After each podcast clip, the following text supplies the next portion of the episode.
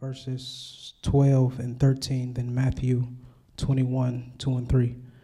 When you get to John 12 and 12, it reads, On the next day, much people that were come to the feast, when they heard that Jesus was coming to Jerusalem, took branches of palm trees and went forth to meet him and cried, Hosanna! Blessed is the King of Israel that come in the name of the Lord. Matthew 21 reads This is Jesus talking to his disciples, saying unto them, Go into the village over against you, and straightway ye shall find an ass tied, and a, don- and a coat with her. Loose them and bring them unto me. And if any man say aught unto you, ye shall say, The Lord has need of them. And straightway he will send them.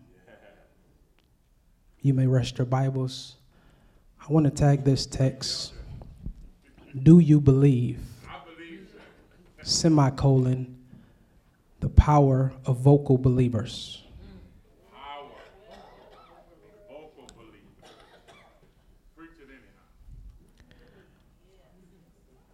Do you believe the power of vocal believers?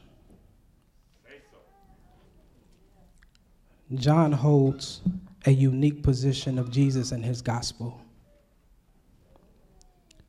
It is in the Gospel of John that we consistently see Jesus debating with Jews, his own people, about who he is and whether or not they ought to believe in him. And rightfully so, the Jews of that time were justified because they had suffered so much at the hands of those who would come into the synagogue professing to be sent by God, but yet they had very little God in them. So when Jesus arrives on the scene, his work is cut out for him. He has critics, he has doubters, he simply has people who do not believe in him. So it is in John's gospel that Jesus spends a lot of his ministry proving to his people that he is the Son of God. And if you would follow the trajectory of Jesus' ministry, you would notice that Jesus teaches us that the best defense against those who critique you is not your words, but rather your works. So, John's whole theological disposition, his whole argument is built to prove that Jesus is, in fact, who Jesus says he is. John chapter 1, Jesus has just gathered his 12 faithful disciples. One by the name of Philip has been converted converted to Jesus' disciple and he goes and finds a man by the name of Nathanael who is a pure-blooded Israelite. He says to Nathanael, We have found the one Moses and the prophets have written about.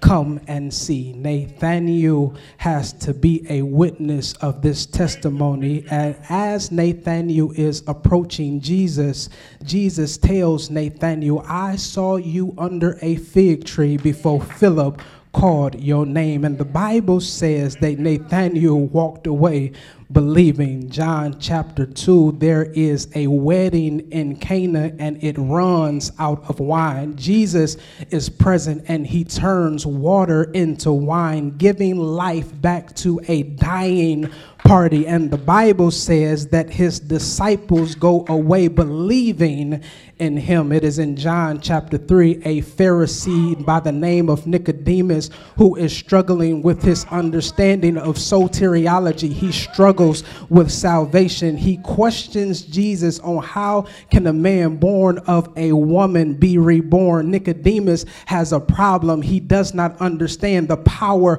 of the Holy Spirit, but Jesus says to him the scripture that ultimately turned me into a believer. For God so loved the world that he gave his only begotten son and that whosoever believe in him shall not die but have everlasting life. It is in John chapter 4 a Samaritan woman who struggles with being faithful. She struggles with being committed to one man. One day she has a reverential experience with Jesus at a well. Jesus tells this woman everything she has ever done. Catch this Jesus does not hold her past against her, but he loves her to the point of salvation. She leaves Jesus as a evangelist telling the city about a man who knew everything that she had ever done. And the Bible says that many people in the city went away believing on Jesus. There was a woman who was impotent. He had infirmities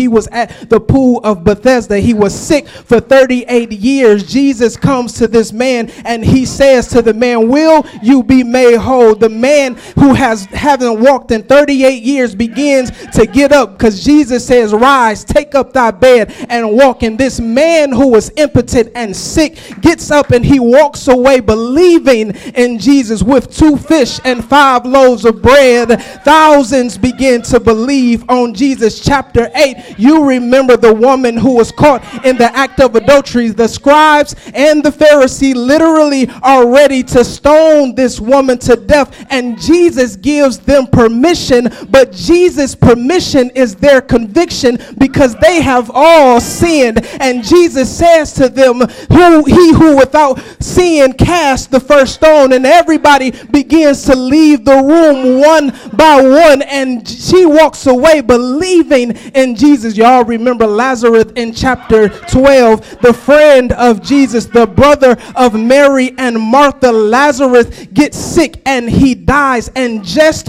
when Mary and Martha thought it was over, Jesus calls Lazarus by name, and Lazarus comes back to life. Many others would go on to believe on the works of Jesus, and you may not have been under the tree like Nathaniel, but I'm sure you can testify that God saw you. You may not have been present at the wedding in Cana, but you can testify that God restored your joy. It may not have been 38 years of sickness for you, but you can testify that God's hand healed you. It may you may not have been present to see God defy the laws of mathematics, turning two fish and five loaves of bread into an all-you-can-eat uh, banquet, but you can testify that when you put it in the hands of God, God can turn your little into a whole lot. You ever had more week than you had money, but you still made it? You ever had more problems than patience, but somehow, some way you continue to keep going? And your name may not be Lazarus, but I'm sure the reason you're here today is because God whispered in your ear, which proves that last night was not your last night. And you got up with more power, more vigor, more strength, more resilience. Can anybody testify?